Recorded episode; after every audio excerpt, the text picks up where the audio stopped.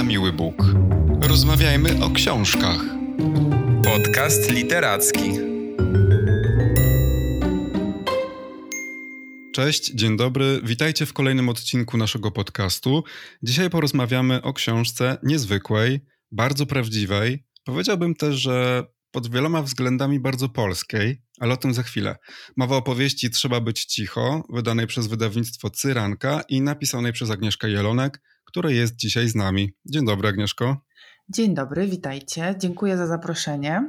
No, bardzo nam miło, że przyjęłaś e, to zaproszenie, a mówię nam, bo jak zwykle jest też ze mną Kamil. Cześć Kamilu, oddaję Ci głos.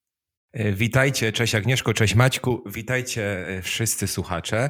E, tytułem wstępu przedstawię naszego dzisiejszego gościa, Agnieszka Jelonek, autorka naszej dzisiejszej książki Trzeba być cicho, ale również wcześniejszej prozy, takiej jak Koniec świata umy okna, głośnego tytułu, który zdobył Nagrodę Literacką Miasta Radomia między innymi, ale też nominację do odkryć Empiku i Babidło, również e, proza, która doczekała się nagrody konkursu literackiego imienia Henryka Berezy. Agnieszka Jelonek, poza tym, że pisze prozę, jest również scenarzystką i blogerką literacką. I od razu może przejdę do pierwszego pytania, które mi się automatycznie nasuwa.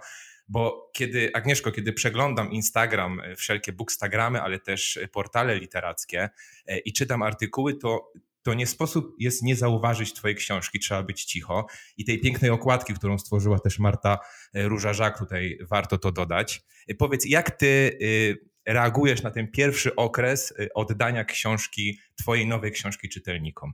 To jest ciekawe pytanie. Mm, do tej pory nie, nie, nie zadano mi go, chociaż właściwie to jest dosyć ważne, to co się teraz dzieje w moim życiu jak to porównuję do tego, co działo się, mm, no bo tak, Babidło to już kilka lat temu e, wyszło, to jest zbiór opowiadań, to, mm, to była taka niszowa sprawa, ja byłam oczywiście bardzo szczęśliwa, że to zostało opublikowane, pojawiły się jakieś y, recenzje w pismach typu Zadra e, i, i naprawdę takich niszowych, e, niszowych miejscach.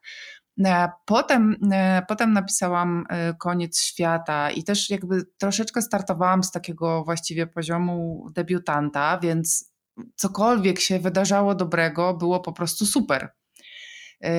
Wszystkim się cieszyłam. No i potem przyszła kolej na drugą książkę i ten słynny stres i lęk związany z tym, jak zostanie przyjęta druga książka, mogę potwierdzić na sobie, nie jest żadnym wymysłem. To, to jest naprawdę dosyć, e, dosyć mm, przejmująca panika wręcz. E, także no to wszystko, co się dzieje wokół tej książki, ponieważ no, większość, większość recenzji, nie wszystkie, ale większość recenzji jest dosyć przychylna i, i taka ciekawa po prostu, mm, odkrywająca tę książkę w różnorakie sposoby. Więc ja po prostu jestem bardzo szczęśliwa i czuję, jak mi trochę ten ciężar takiego oczekiwania i, i, i lęku e, został zdjęty przez te ostatnie kilka tygodni jednak. A mnie też bardzo ciekawi ten moment właśnie przejścia pomiędzy debiutem powieściowym a wydaniem drugiej powieści, szczególnie, że w swojej poprzedniej książce mm, obdarowałaś Alicję bohaterkę no, taką dużą częścią siebie. Mówisz o tym, że jest to proza autobiograficzna, czy też niektórzy nazywają to fikcją taką autobiograficzną, bo to nigdy do końca nie jest tak jeden do jeden. I mam takie pytanie, czy Luna trzeba być cicho, to też po części ty. I pytam też w takim kontekście, wiesz, literackim, warsztatowym, mhm. y, mianowicie, czy jak raz się wejdzie w tą prozę autobiograficzną, czy taką właśnie fikcję autobiograficzną, czy takie pisanie, z którego, w którym bardzo dużo czerpie się z samej siebie, to czy później łatwo z tego wyjść? To jest e, znowu ciekawe pytanie bardzo, bo faktycznie przy tej pierwszej książce, no drugiej, ale pierwszej, e, to właściwie było oparte na, na moich przeżyciach i, i tak, i Alicja właściwie e, nosiła moje myśli i moje, i moje strachy, chociaż nie była mną. I, i sama, sama sobie takie wyzwanie postawiłam, to znaczy nie chciałam już pisać e, drugiej książki, takiej e, tylko i wyłącznie dotyczącej mm, dotyczącej tego, co mnie, do, znaczy tego, co mnie dotyczy. Ale przede wszystkim chodziło mi o to, żeby, żeby zmierzyć się z wieloma postaciami i stworzyć relacje między nimi. Więc jakby siłą rzeczy musiałam mieć więcej niż jedną, jedną bądź jednego głównego bohatera. I miałam trochę, mm, e, taka byłam trochę wyeksploatowana też i mm, jakby też rozmawianiem o tej książce, to, to, dosyć to, to było takie jednak na granicy intymności, to, to co musiałam opowiedzieć o, o tym, jak powstawała książka Koniec Świata, e, że w zasadzie tutaj e, postanowiłam wymyślić sobie postaci, one są w bardzo dużej mierze mm, e, oparte na, na różnych ludziach, których znam. To jest taka mikstura. Mm, chyba ja najbardziej, czy, czy najwięcej mnie może być w Lunie, ale to absolutnie nie jest ten poziom e, porównania jak z poprzednią książką.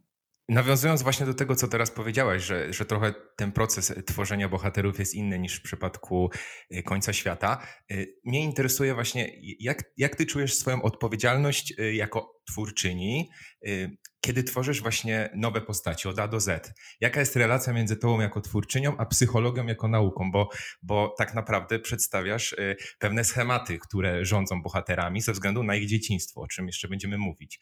Y, czy to jest jakaś większa odpowiedzialność w tym momencie, jeśli nie opierasz się na swoich doświadczeniach? E, to znaczy, ja na tyle ufam sobie i na tyle mm, dużo rozmawiam z ludźmi, którzy mają mm, tego typu problemy, tak? Na, y, na przykład z osobami, które są DDA. E, że wydaje mi się, że nie, znaczy z całą pewnością nie zmyślam, tak? To nie, e, te, te, te postaci nie są stworzone ani z totalnie z mojej głowy, tak jak ja sobie wyobrażam, że taki problem mógłby rezonować w człowieku dorosłym, ani nie są e, do końca z e, podręcznika psychologii. E, z żadnego mm, takiego, wiecie, poradnika terapeutycznego. No po prostu ja piszę takich ludzi, jakich widzę dookoła i jak, o, jakby te problemy, które się tutaj pojawiają, to są problemy, o których ja słyszę, tak? Te konflikty, ta jakaś nieumiejętność dogadywania się, e, te tory, w które się e, wchodzi, na przykład e, spotykając się z rodzicami, że to od razu są po prostu takie kolejny, w które często wpadamy, że te rozmowy wyglądają tak samo, nasze samopoczucie nagle nie wiadomo skąd jest za każdym razem identyczne. I to jest dla mnie coś, co jest bardzo interesujące i, i literackie po prostu. A jako scenarzystka możesz sobie też jakby ćwiczyć rozwój postaci e, właśnie w scenariuszach, bo wiemy też, że piszę scenariusze do, do seriali. Czy na przykład to jest takie poletko doświadczalne, żeby sprawdzać, jak, e, w jakie relacje wchodzą bohaterowie i jak to potem się rozwija?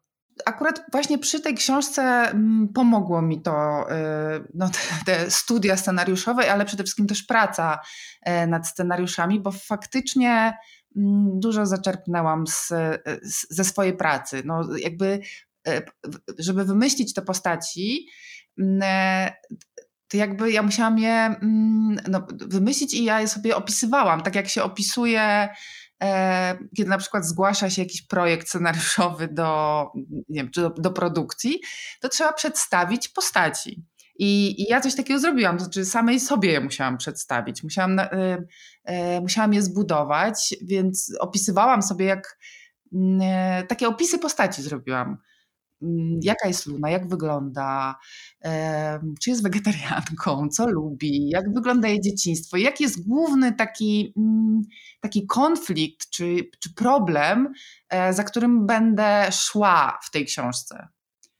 I, na, I każda, właściwie znaczy, no, bardziej te trzy postaci, bo tam jest ich więcej tych pobocznych, ale te trzy postaci zbudowałam sobie trochę w taki sposób filmowy, powiedzmy, czy, czy serialowy. Ja właśnie jak się dowiedziałem, że pracujesz przy scenariuszach, to też miałem takie podobną myśl do, do pytania właśnie Kamila. czy na przykład tobie się zdarza, nie wiem, czy to nie będzie zbyt duże zdradzenie tej kuchni literackiej, czy w ogóle zawodowej, czy tobie się na przykład zdarza, mm, że jakiś pomysł w scenariuszu spada ci, albo na przykład zostaje niezaakceptowany przez producentów czy reżysera, I wiesz, i robi się z tego taki ambitny spin-off w twojej y, literaturze artystycznej, że bierzesz sobie y, coś, co się nie udało, albo na przykład coś, co chciałabyś w jakiejś postaci e, napisać w scenariuszu, ale powiedzmy, że to nie przechodzi i jednak bierzesz to sobie do książki i rozwijasz, wiesz, taki po prostu serialowy spin-off, ale właśnie w formie literackiej. E, no wiesz, to przy tej książce chyba się e, nie zdarzyło nic takiego. Mm, natomiast e, odpowiadając na pierwszą część tego pytania, setki razy, setki razy nie przechodzą pomysły. Z, z różnych powodów, tego, że no nie wiem, masz, na, masz pewną konwencję, zależy jaki serial piszesz, ale jesteś w pewnej konwencji i i pewnych rzeczy po prostu wiesz, że jakby nie możesz zrobić. Chociaż im dłużej pracuję, tym mocniej mi się wydaje, że ograniczenia są potrzebne i są bardzo twórcze. I to, co się dzieje mm, przy pisaniu scenariusza, czyli na przykład to, że masz ograniczenia produkcyjne, E, czyli że nie możesz zrobić sceny na lotnisku albo sceny bitewnej, no, tylko musisz skupić się na, na tym, że te osoby jednak siedzą i piją herbatę, a to ma być y, jakoś emocjonalne e, no tak naprawdę jest wyzwaniem, bo w prozie możesz sobie pozwolić na cokolwiek y, ci przyjdzie do głowy. E, więc ja chyba nie odpowiadam na twoje pytanie, ale to nic. To nic, bo jak już rozmawiamy na przykład o filmach czy telewizji i, i, książkach, to też ostatnio przeczytałem albo usłyszałem, nie pamiętam, że powstają ponoć coraz dłuższe filmy i coraz krótsze książki. To jakby bardziej chcemy oglądać niż czytać. E, I twoja książka jest krótka jak na powieść, ale jednocześnie no, niezwykle gęsta. Jest naszpikowana wydarzeniami, postaciami, szczegółami. Tych szczegółów jest mnóstwo. I ja myślę, że spokojnie mogłabyś to rozbuchać do 400-500 stron. I powiedz mi, skąd decyzja, aby tego nie robić? E, nie wiem, czy to do końca można nazwać decyzją, e, bo ja po prostu e, jakoś nie mam ani odwagi, ani takiego daru, ani też chyba takiej miłości do prozy potoczystej. Lubię czytać książki gęste. Więc tak wydaje mi się, że to był, taki jest naturalny, mm, naturalna rzecz, że piszesz takie książki, jakie chciałbyś czytać. E, więc trudno mi powiedzieć, mm, na ile to jest wiesz, decyzja. Wolno piszę, dużo skreślam.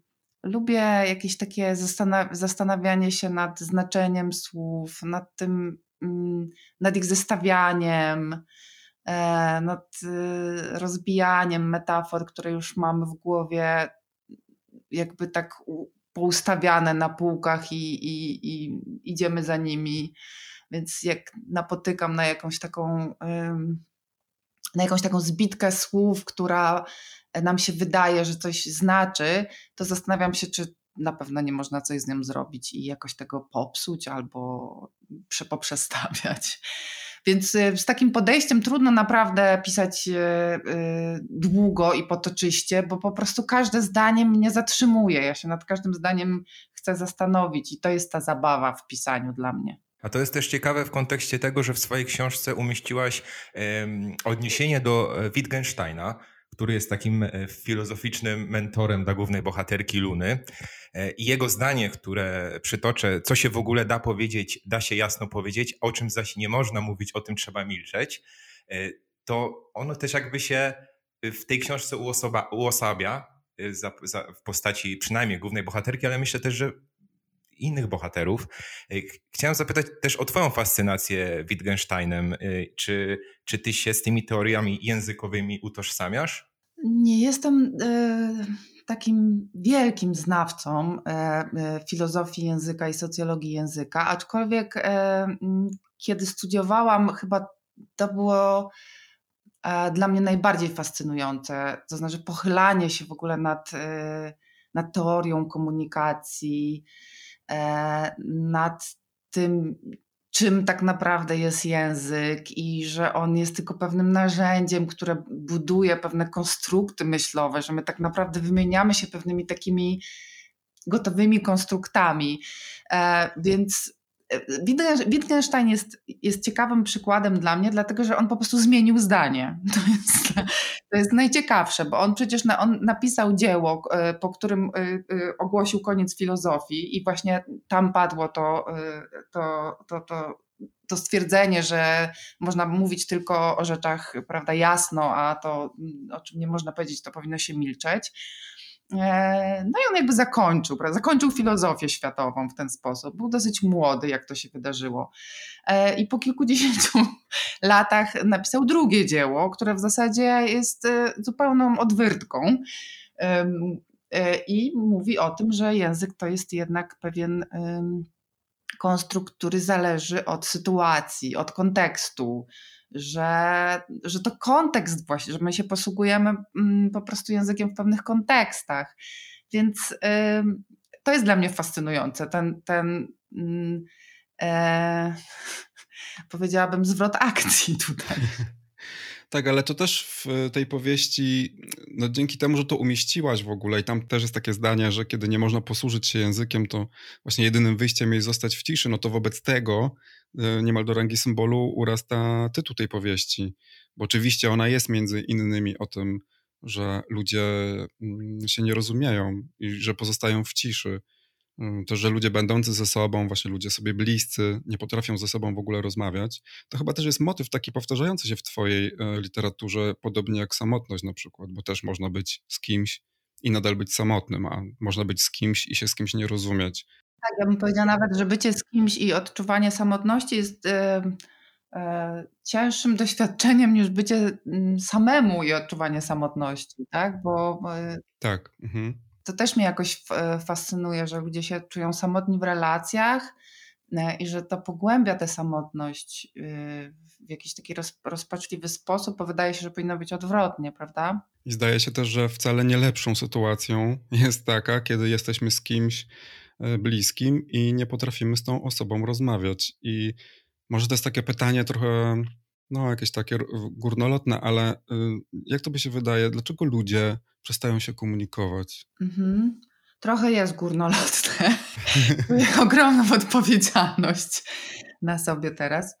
E, wydaje mi się, że, y, że ludzie mówią do siebie, ale się nie komunikują. To znaczy, że ten, ten hałas y, trwa, ale że znaczy Moja taka bardzo osobista odpowiedź, bo naprawdę nie chciałabym mm, tutaj jakiejś teorii ogólnoświatowej y, wygłaszać, bo e, coraz, coraz mocniej widzę, że, że, że dla, dla każdego jakby gdzieś, gdzieś indziej leży problem komunikacji, ale moim osobistym doświadczeniem jest to, że my trochę e, wchodzimy w taką, mm, e, taką dużą wiarę w język, a zapominamy, że jest jeszcze masa kanałów komunikacji, które są jakby obok e, i że, że jest coś takiego jak takie, mm, no oczywiście jest dotyk, i tu nie mówię tylko o dotyku erotycznym, tylko o takim, e, takim dotykaniu, tak? To też w, rodzinach to widać, tak? Widać te takie relacje, gdzie się ludzie dotykają, albo relacje, gdzie się ludzie nie dotykają. My czasami sobie nie zdajemy z tego sprawy, że to widzimy, ale czuć od razu, że jakby albo coś, jakaś jest jakaś bliskość, albo nie ma tej bliskości. Mm, e, nasza kultura w ogóle odchodzi od tego dotykania. No już teraz też w ogóle w, w sytuacji pandemicznej jesteśmy, e, jesteśmy jeszcze bardziej odsunięci od siebie. I gdzieś przywrócenie tego też dlatego oni wyjeżdżają mm, jakby z miasta, bo chciałam, żeby oni byli w jakimś takim środowisku sensualnym, takim, gdzie jakby ta cielesność jakoś tak wyłazi na wierzch, bo w mieście ona jest taka zaklepana. E, więc, e, więc gdzieś mi się wydaje, że, e, że dotyk i, i tutaj dopiero mi przychodzi coś górnolotnego, mianowicie przepływ energii, ale wierzę w coś takiego. Wierzę, że między ludźmi są jakieś takie pola energetyczne i że z niektórymi czujemy się lepiej, gorzej i że jakby w ogóle nie zwracamy teraz już na to uwagi. Uważam, że to jest jakaś czarna magia albo jakieś new age'owskie teorie, ale no nie wiem, ja tego doświadczam, że to się dzieje, więc jakby nie wszystko jest w języku i to trzeba być cicho w tytule. Ono jest oczywiście, znaczy ja bym powiedziała, że, że ten tytuł należałoby czytać odwrotnie, ale, ale czasami też trzeba być cicho, to znaczy trzeba zamknąć się, żeby się usłyszeć. A to jest ciekawe, co mówisz, bo, bo z kolei jak ja myślałem, mm, właśnie zastanawiałem się, jak sformułować to pytanie, żeby ono nie stwarzało takiej pozycji do wygłaszania, wiesz, grafomańskich właśnie takich wywodów. Ale ja sobie tak pomyślałem, że żyjemy też trochę w takich czasach m, mm, takich narracji pierwszoosobowych, że jest zawsze wszędzie ja, ja, ja, yy, głównie oczywiście przez social media. I ja mam takie wrażenie, mm, co było bardzo ciekawe w, zderzeniu z Twoją książką, że, że dzisiaj na przykład ludzie bardzo często mówią dużo o sobie, mhm. a niekoniecznie chcą słuchać. A z kolei, kiedy czytałem Twoją książkę, to y, miałem wrażenie, że jest trochę odwrotnie. To znaczy, że ci bohaterowie bardzo mało mówili o sobie. Tak, na przykład y, y, chociażby Teo, którego wszystko bolało, ale on gdzieś to ukrywał pod y, paleniem jointów i tak dalej, jakby w ogóle nikomu o tym nie mówił. I wielu tych bohaterów i bohaterek zresztą ma coś takiego, że mm, coś ich tam w środku boli, ale zostawiają tak naprawdę to dla siebie, nie mówią o sobie, a jakaś jest taka, nie wiem, tęsknota, żeby ktoś do nich mówił. No tak, to są... Mm, to, to, to ja, ja wiem, że ta książka jakby może być mm, tak E, z, z, różnych stron e, można do niej podejść. E, ja na przykład nie mam przysytu narracji ja. Mm, tak jak teraz to powiedziałeś, pomyślałam sobie o, o, o social mediach i o tym, że ludzie, mm, e, to znaczy mam przesyt tej kreacji, tak? To znaczy ja już nie wierzę w to, że wszyscy mają tak super jakby jak piszą, że mają. I, i, I, mam wręcz taką zabawę, że sobie wyobrażam, że jest dokładnie odwrotnie. E, y, może jakoś zdradza moje jakieś niezdrowe, nie, e, niezdrowe relacje z social mediami, ale naprawdę nie wierzę w to, że, że, że ta kreacja tak naprawdę jakieś mm, niesie ze sobą dokładnie to, ale wydaje mi się, że mówienie o sobie E, nie jest tak do końca złe. I ja często, jak ktoś fajnie mówi o sobie, to ja się w tym potrafię odnaleźć i, i, i myślę sobie, aha, ja też tak mam. Tak, że jego, jego mówienie o sobie jest trochę jak moje mówienie o sobie. Mhm. E, więc to chyba też zależy, jakie tam są, mm, jakie tam są uwarunkowania u każdego z nas i, i, i czego szukamy. Dla mnie to też jest książka o niekochaniu, bo ja wiem, że w wielu recenzjach pojawia się to, że ona jest o tym, że ludzie się nie komunikują ze sobą i mają trudności z rozmawianiem, ale tak personalnie, dlatego chciałem o tym też e, zahaczyć, bo, bo, bo to jest ważne na pewno w tej książce. Natomiast jak myślałem, czym ta książka jest dla mnie, tak personalnie, to, to myślę, że ona jest o niekochaniu.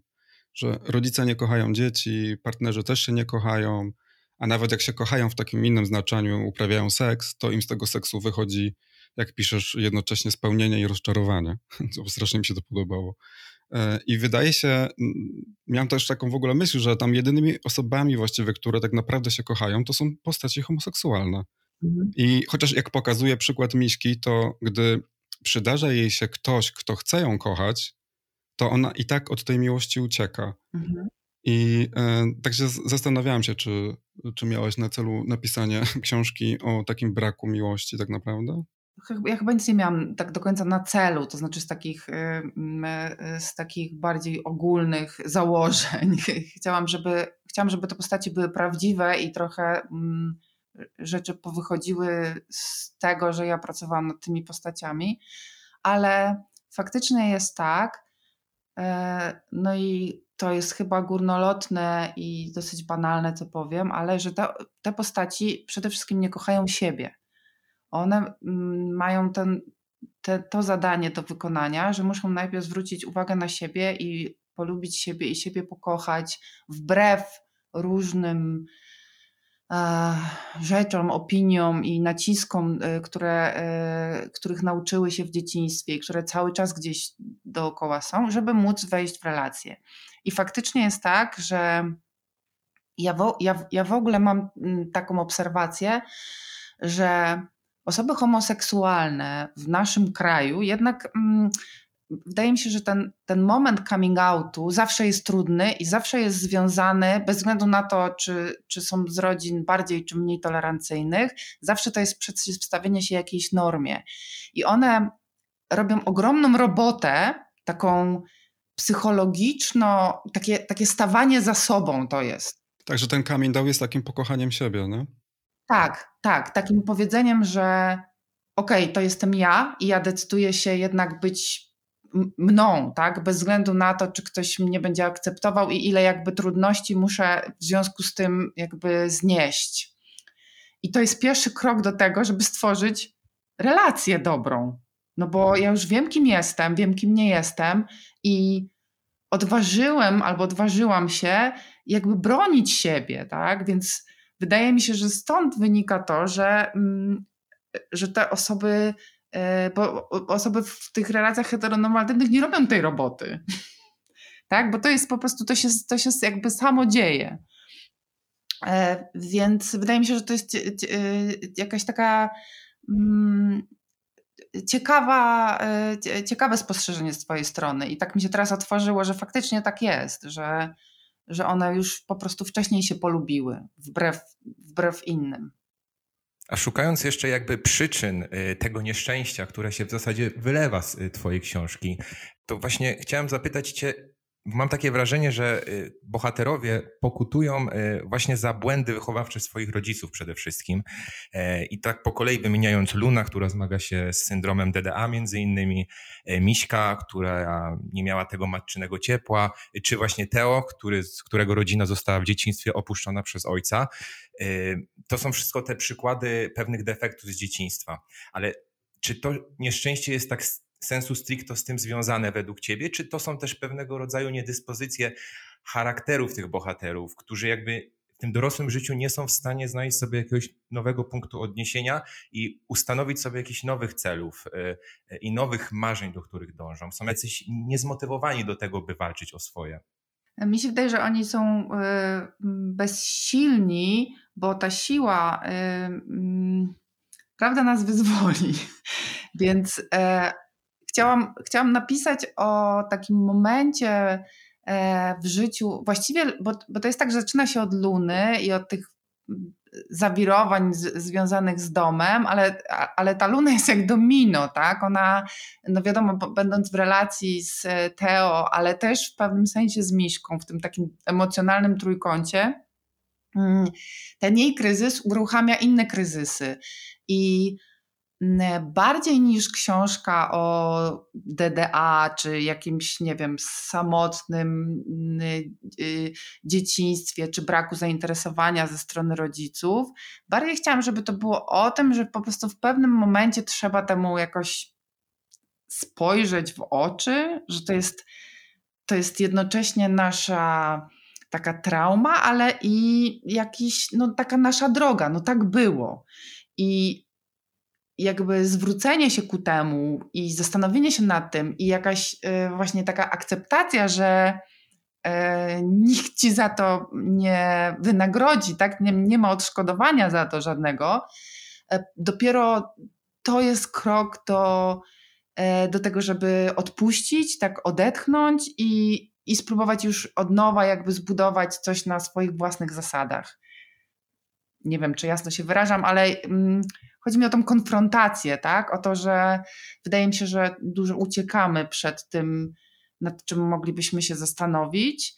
E, no i że trzeba do tego wrócić, e, pochylić się nad tym, jakby to w pewnym sensie tak przytulić i, i okej. Okay. I wtedy już nie trzeba uciekać i wykonać tę pracę, o której między innymi mówiliśmy w przypadku e, homoseksualistów, tak? którzy jakby tak, mają tak, to zadanie, żeby przerobić swoją osobowość, prawda? I też jakby zwracam uwagę na to, jak, jak bardzo ciężkie jest zgodnie z twoją książką e, pokonywanie siebie i wychodzenie z tych ograniczeń, które nas dobijają na co dzień, bo to jest coś, co mnie najbardziej przytłoczyło w tej, w tej opowieści, e, którą nam e, Trzeba być cicho zaserwowałaś.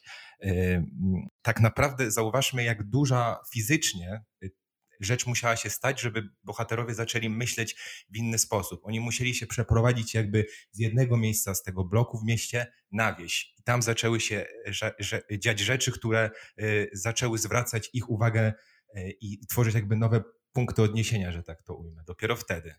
Trochę y, pewnych mi przyszło do głowy, że gdybym na przykład y, była pisarką brazylijską, to może bym napisała, że oni płynęli po jakiejś rzece dzikiej w dżungli. Rozumiesz, jakby, że y, potrzebowałam czy, czy tak namacalnego jakiegoś, jakiejś historii, a przecież umówmy się, nie jest to jakieś niebywale oryginalne w literaturze, że ktoś się przeprowadza do domu na wsi. I to w różnych, prawda, w różnych mamy, w różnych narracjach. To może być horror, to może być romans. Więc ja jakby trochę wzięłam tą taką, taką historię o, o zmianie miejsca i, i o, o, o takim, że jesteśmy taką, w, w, takim otoczeniu innym niż, niż nasze i musimy się w nim odnaleźć. Ono jest jakby spektakularnie inne, tak? E, po to, żeby uruchomiły się pewne procesy psychologiczne, mm, e, żeby się zrobiły te konflikty, te tarcia, te między nimi te takie te, te, te dziwne rzeczy, które się tam wydarzają żeby tak naprawdę uruchomić, e, uruchomić akcję, ale wydaje mi się, że to mogło być naprawdę, to mógł być rejs po Nilu albo lot samolotem. Y, chodziło mi o to, żeby ich po prostu potrząsnąć nimi, żeby oni się tam wszyscy zagotowali. Tak, jak ja to czytałem, to przypomniała mi się taka stara hollywoodzka zasada. Pewnie o tym wiesz, że dobry scenariusz zaczyna się albo od pogrzebu, albo właśnie od przyjazdu, wyjazdu, przeprowadzki. E, I też tak sobie właśnie pomyślałem, że, że użyłaś tego po to, aby właśnie właściwie uruchomić akcję tak naprawdę, bo nie wiem, czy pamiętacie, ale tam syn sprzedawczyni, który zanosi zakupy Luny do samochodu, on tam mówi coś takiego, że większość rzeczy, co się od nich ucieka, i tak się wozi ze sobą. Tak. To mi się strasznie podobało, więc w gruncie rzeczy ta przeprowadzka... Lokalny filozof, nie? Tak, tak, ale ta przeprowadzka właśnie po pierwsze jakby tobie literacko-warsztatowo pozwoliła uruchomić właśnie akcję, a bohaterom tak naprawdę no jakoś wyeksponować to, co ich boli. Tam to wszystko gdzieś tam powychodziło. No dokładnie, tak. To ja po prostu wzięłam y, jakąś, y, mm, jakąś y, historię. Zresztą ja tę historię usłyszałam od znajomych. To jest śmieszne też, że, że taka historia się wydarzyła naprawdę.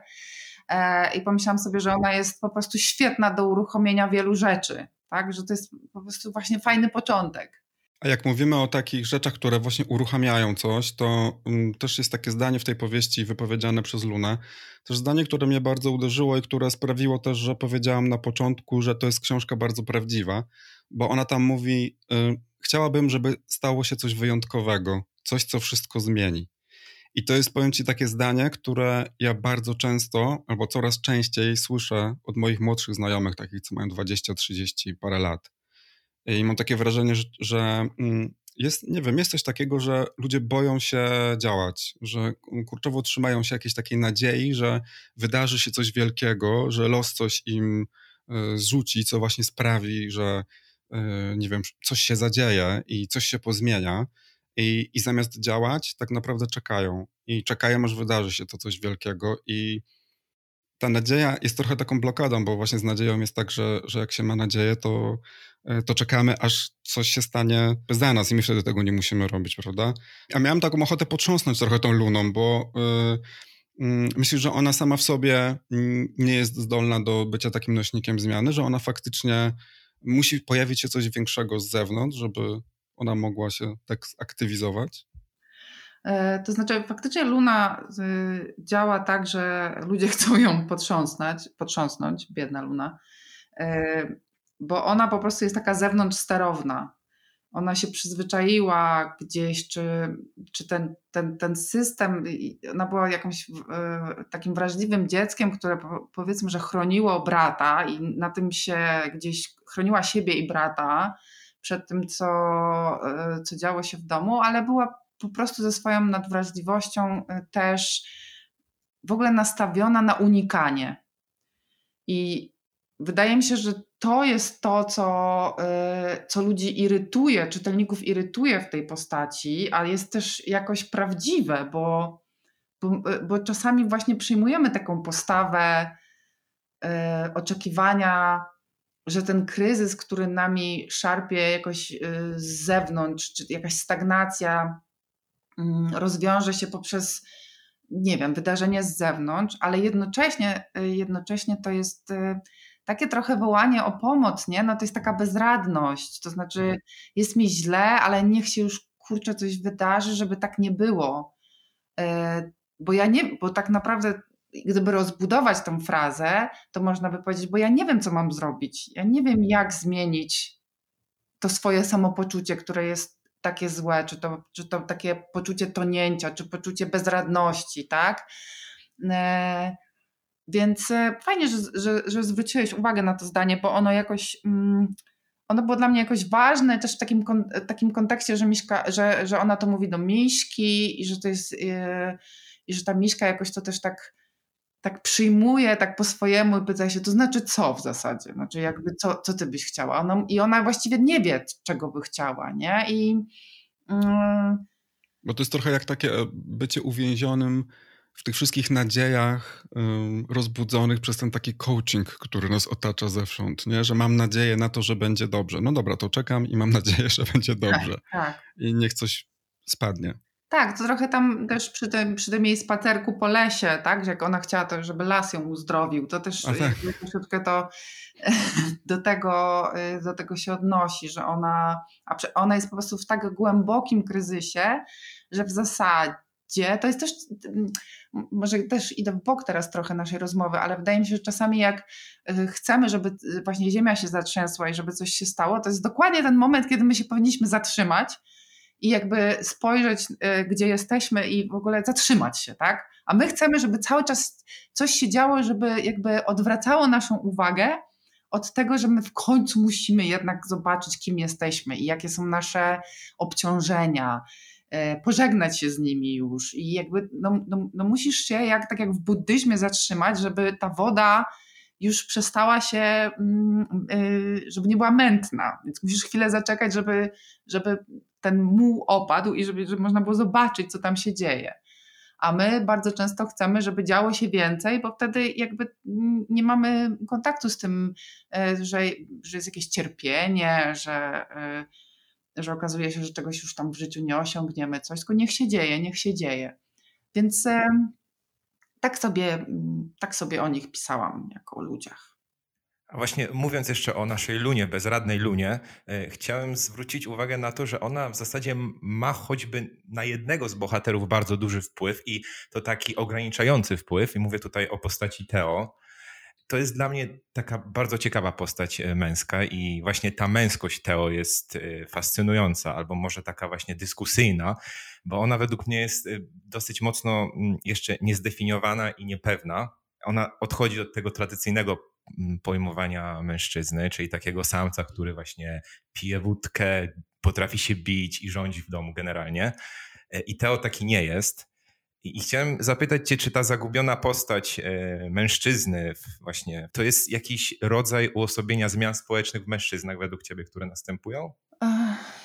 No i, i tak, i nie. To znaczy, e, to jest, to jest na pewno mm, też często to e, pytają mnie na przykład e, czy, czytacze czy czytaczki moi, dlaczego on jest Anglikiem, a ja wtedy mówię, no właśnie, też chciałam o to zapytać. że ja nie potrafiłam napisać Polaka, że miałam jakiś problem, bo właśnie wchodziłam w e, jakieś takie mm, takie schematy jakieś, a jednocześnie te schematy mnie fascynują, to znaczy mm, po kolei, żeby żeby na, napisać mężczyznę, chciałam napisać o, oczywiście o tych, y, znaczy chciałam, żeby odbijało się w tej postaci to, co się teraz dzieje, to znaczy, a wydaje mi się, że dzieje się upadek patriarchatu i, e, i wydaje mi się, że on wzbudza jakiś, co jest zrozumiałe, e, opór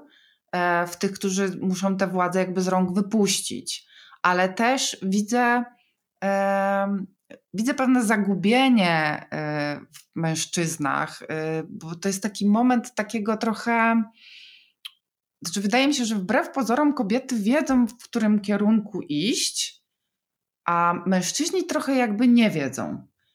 E, trochę muszą oddać tego pola, trochę mm, odnaleźć się w, tej no, w, tych, w tych jakbyś nowych sytuacjach, przepracować to, to, tą całą tą historię z tymi emocjami, z, z wyrażaniem, z skumplowaniem się z innymi mm, i jakby rozmawianiem na przykład o emocjach.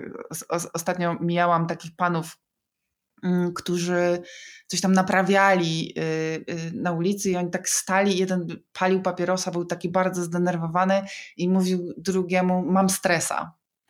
I pomyślałam sobie, że to jest właśnie taki, e, nie, że oni próbują rozmawiać o emocjach.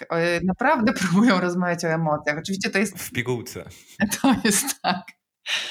E, więc wracając do Teo, e, cała ta historia z tym, że ja potrzebowałam, żeby, żeby wiecie, no to też jestem ja, prawda? Czyli jakby mój E, no nie chcę powiedzieć kłopot, tak, ale jakiś taki, taka próba uchwycenia, czy próba zdefiniowania tej męskości, tego, co właściwie dla mnie jest męskością, tego, co jest męskością dla mężczyzn, których znam. E, I dlatego tego Teo w ogóle e, tak, taki myk zrobiłam, że on nie będzie Polakiem, bo pomyślałam sobie, że jak on mi będzie, jak on mi będzie trochę obcy, to ja go jakby lepiej napiszę, jakoś prawdziwiej, że ja muszę się tak troszeczkę odsunąć od, te, od tych takich polskich problemów, od tego takiego klasycznego patriarchatu, od tego, co się dzieje w rodzinie, e, powiedzmy, siostry Miśki, tak?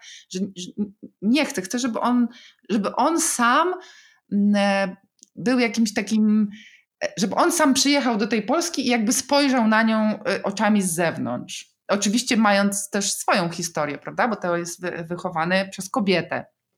Mm, bez, bez takiego wzorca męskiego, ani powiedziałabym jakiegoś e, negatywnego też, bo, bo tego ojca po prostu nie było, tak? To, to, to nie był żaden ojciec bardzo wymagający, czy jakiś tam e, przemocowy, po prostu jakby zupełnie nieobecny. E, i, i, I tak, cała postać Teo to jest jakaś moja mm, próba uchwycenia tego, co się dzieje z, e, teraz e, z, e, z, z, z, patriarchatem i z, jakby z całą tą mm, sytuacją równości czy też nierówności. Nie da się tego w żaden sposób jakoś tak prosto opowiedzieć, bo wydaje mi się, że strasznie mamy rozwarstwione społeczeństwo. W ogóle rozmawianie o tym bo prawie jesteśmy na salonach, a obserwowanie tego na ulicy, gdzieś poza dużymi miastami, to jest w ogóle zupełnie inna sprawa. E, więc, e, więc tak, trochę, trochę, trochę mnie to interesuje, jak, mm, jak zmienia się e, jak zmienia się teraz poczucie facetów dotyczące tego właściwie, co, co jest męskością, ale też kobiet, tak? bo Luna nie do końca też potrafi się z nim, tak, ona, ona ma problem, bo on jest inny niż ojciec, ale jednocześnie jest zbyt inny niż ojciec. Tak jakby ona nie może do końca się z tym też pogodzić. Więc wydaje mi się, że to jest bardzo ciekawe. Mnie się bardzo podoba to, jak mówisz właśnie o tym upadku patriarchatu i, i tego, jak i o tym, jak mężczyźni nie potrafią sobie poradzić y, bez jakiegoś wzorca. I tutaj podnoszę rękę do góry, bo mam cytat. y, chciałem przeczytać fragment książki, który zrobił na mnie naprawdę duże wrażenie i właśnie jest o tym y, trochę, o czym teraz mówisz. Synowie matek, które nie wiedzą, jak sobie poradzić, matek, które nie ukrywają, że tego nie wiedzą, bo nie ma tylu metrów kwadratowych w mieszkaniu, tylu skrytek, żeby dało się schować płaczącą matkę. Synowie matek, którzy mają je na wyłączność, chociaż przecież nie całkiem. Chłopcy, którym ojcowie nie zagrażają, to świat odbiera im matki. Matki, które kłócą się z synami jak z kochankami, które rzucają talerzami, wychowują mężczyzn poplątanych i emocjonalnych, poszukujących wzorca faceta, wzorca, który nie istnieje, zużył się, a nowy jest ciągle w wersji beta, nietestowany na zwierzętach ani na ludziach. I to jest właśnie to, że ym, tak, że faceci y, muszą mieć jakiś wzorzec faktycznie i jak na przykład brakuje tego ojca, to zaczynają się problemy. Jeszcze jedna rzecz mnie uderzyła, jeżeli już rozmawiamy o Teo, bo w momencie, kiedy on jest cudzoziemcem i w momencie, kiedy musi przekląć po polsku, mhm. wyzwać kogoś od najgorszych, to wyzywa kogoś od pedałów. I wtedy ja sobie pomyślałem, to co powiedziałem na początku, że ta powieść jest niewiarygodnie polska, wręcz taka, wiesz, naturalistyczna. Y, jest coś takiego w polskiej literaturze, dużo się o tym mówi, że krytyka literacka czeka, wiesz, na polską realistyczną powieść, cokolwiek by to właśnie miało być. I jak doszedłem do tego momentu, to dla mnie było, to, to jest jakiś taki symbol w tej książce, że, że jak kogoś wyzywamy, to właśnie y, odpedała, a do tego jeszcze właśnie stworzyłaś y, postać brata Luny, który z powodu swojego homoseksualizmu wyjeżdża do Berlina i wtedy to już w ogóle mi się zrobiło smutno. No, ale tak jest, nie? Jest. Ale zastanawiam się, bo też nie wiem do końca, kiedy pisałaś e, te fragmenty, czy to, czy to już wcześniej, czy, czy to jest bardziej obserwacja, czy wyszedł z tego taki e, profetyczny tekst? Postać Kajetana to jest też gdzieś zahaczona w prawdziwej postaci mojego przyjaciela, który po prostu wyjechał z Polski i nie ma go tu i y, jest ze swoim partnerem y, gdzie indziej i, i tam dopiero jakby, jakby mogą czuć się no, wręcz bezpieczni, powiedziałabym. E, I jest to dla mnie jakieś bardzo przykre i takie, po prostu uważam, że to jest jakaś tak moja osobista porażka e, jako y, w ogóle kogoś, kto żyje w tym kraju. To jest bardzo, bardzo, bardzo to przeżywam, że oni jakby zdecydowali się stąd wyjechać, a przecież nie, nie tylko oni. Więc E, a jednocześnie fajnie, że, że, że zwróciłeś uwagę na, na to przekleństwo. Tam, tam z tego co pamiętam, ja chyba nawet e, jakby napisałam w, w myślach Teo, kiedy on to formułuje w tej sytuacji zagrożenia, że on jakby nawet przeprasza tego Kajetana w myślach ale potem jak to czytałam, to pomyślałam sobie, że, że to jest zgrzyt, bo w takiej sytuacji on by jakby nie miał czasu, tak? On y, jakby trąciło po prostu jakimś takim y, y, intelektualnym y, który gdzieś mi nie pasował do tej sytuacji. Ale przecież właśnie on, on jakby jest ostatnim, który użyłby takiego przekleństwa, ale on dostosowuje to przekleństwo jakby do kontekstu i do okoliczności i do państwa, w którym jest. Więc on używa tego przekleństwa, e, bo chce zdenerwować yy, Akawasję. Tak, ale to intuicyjnie wie, które z polskich przekleństw zdenerwuje tak, najbardziej, tak, zwłaszcza faceta, tak. nie? No, ale ja to próbowałam dojaśnić, a potem to wykreśliłam, a jednak to jest i tak czytelne, więc cieszę się, że to jakoś jest y, odczytywane. Odchodząc już od samej historii, y, trzeba być cicho. Chciałbym też coś zacytować. Już z takim właśnie celem zwrócenia uwagi na stylistykę i na język, który, którego używasz, bo bardzo podobają mi się Twoje takie, określiłbym jako bystre porównania, które łączą w jednym zdaniu coś metafizycznego i coś y, sensu stricto fizycznego. Y, podam takie dwa przykłady, które podobały mi się i, i potem zadam pytanie. Y, jest oczywiście wiele rzeczy, których Luna nie powie, nawet gdyby bardzo chciała są tak ciężkie, że nie da się ich z siebie wyciągnąć. Nie utrzymałby ich język. I drugi cytat dotyczy Miśki, która, jak wiemy po lekturze, ma mm, salon y, kosmetyczny, ale też jest to pewnego rodzaju świątynia psychoterapii dla klientek.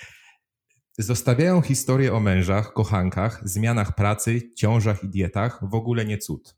Czasem oddają też kawałek śmierci, bezsenności albo brak seksu. Wychodzą lżejsze, a Miśka zamiata wszystko z podłogi twardą szczotką i wyrzuca do zmieszanych. Bardzo podobają mi się te fragmenty, te porównania, które w zasadzie towarzyszą nam przez całą książkę. Chciałem Cię zapytać, czy Ty jako warsztatowo czerpiesz z tego dużą przyjemność, żeby wymyślać y, takie, takie bystre właśnie porównania? Czerpię. e, tak. E, e, ja mam taką mm, z jednej strony niechęć do y, wyciskania emocji za pomocą słów, to znaczy nie, bardzo nie lubię takiego e, patetyzmu, różnych bezkresów i horyzontów. Od razu mam je ochotę czymś zepsuć, ale też uważam, że one są jakby potrzebne, tak, no y, bardzo mocno przeżywam wszystko, co się dzieje dookoła e, i dużo myślę o na przykład o śmierci, o, e, o przemijaniu, no, no, w ogóle o takich no, rzeczach e, z poezji bardziej rodem i, i filozofii, a jednocześnie wydaje mi się, że że ten ogół, taki poziom ogólności też powoduje, że, że czytelnik się jakoś odrywa od tego, więc zawsze jak za bardzo y, im ważniejszy temat, tym wydaje mi się, że on po, powinien mieć więcej takich ciężarków, y, które, mm, które wprowadzają tą filozofię i tą metafizykę do naszego codziennego życia. Mm, y, teraz byłam na spotkaniu, jakaś dziewczyna y, wstała i powiedziała, że czytała mm, książkę o powstankach, jakąś, w każdym razie te, temat był jakiś taki mm, e, dotyczący kobiet na wojnie i ona powiedziała, że czytałam tę książkę między pomidorową a schabowym. Ja pomyślałam sobie, wow, jakie zdanie. E, to jest właśnie to, czego ja szukam w tych narracjach, czegoś, co nas jakby sprowadzi do, do tu i teraz. No też... Mm, też mam takie, też, też mycie okien, prawda, w tej pierwszej książce. Też, też to jest to, że że ta metafizyka to, to, to jakby to nie jest tylko e, prawda, chodzenie na długie spacery nad morzem i mm, czytanie książek, ale naprawdę dopadają mnie te rzeczy przy, jakby w trakcie gotowania zupy i uważam, że to jest życie i że to jest właśnie fajne i jakby lubię to, tę zabawę z, z zestawianiem tych metafizycznych rzeczy i tych właśnie szczotek, kurzów, e, spółczek i tego typu artefaktów. No ja też chcę powiedzieć, że bardzo, bardzo to jako czytelnik lubię i myślę, że to staje się taki twój znak rozpoznawczy też trochę. No to fajnie, ja jestem bardzo zadowolona, że tak jest. Mnie natomiast zabiło to porównanie myśli do czegoś brzydkiego, co ma śliską skórę i śmierdzi i ma straszny ryjek, siedzi w ciemnej szafie i jak oddycha, oddycha także rośnie. Także e, świetny język tej książki. Zbliżyliśmy się właściwie do końca naszej rozmowy. Ja z całego serca e, polecam wszystkim słuchaczom i słuchaczkom Trzeba być cicho, nową książkę Agnieszki Jelonek, bardzo świeżą zresztą, bo wydaną w ubiegłym miesiącu. E, tobie Agnieszko dziękujemy serdecznie za wizytę. Mam nadzieję, że będziemy mieli jeszcze kiedyś okazję porozmawiać o kolejnej twojej książce. Dziękuję bardzo. Bardzo się cieszę, dziękuję za zaproszenie i miłą rozmowę. Niewiarygodnie szybko minął ten czas z nami. To prawda. A mam wrażenie, że moglibyśmy o tej książce rozmawiać jeszcze drugą godzinę. No zostawmy jakiś niedosyt. Dla naszych czytelników, którzy jeszcze trzeba być cicho, nie mieli w swoich rękach. Agnieszko, bardzo dziękuję Ci również z mojej strony e, i do usłyszenia w kolejnym odcinku podcastu. Do usłyszenia, dziękuję. Na miły Bóg. Rozmawiajmy o książkach. Podcast literacki.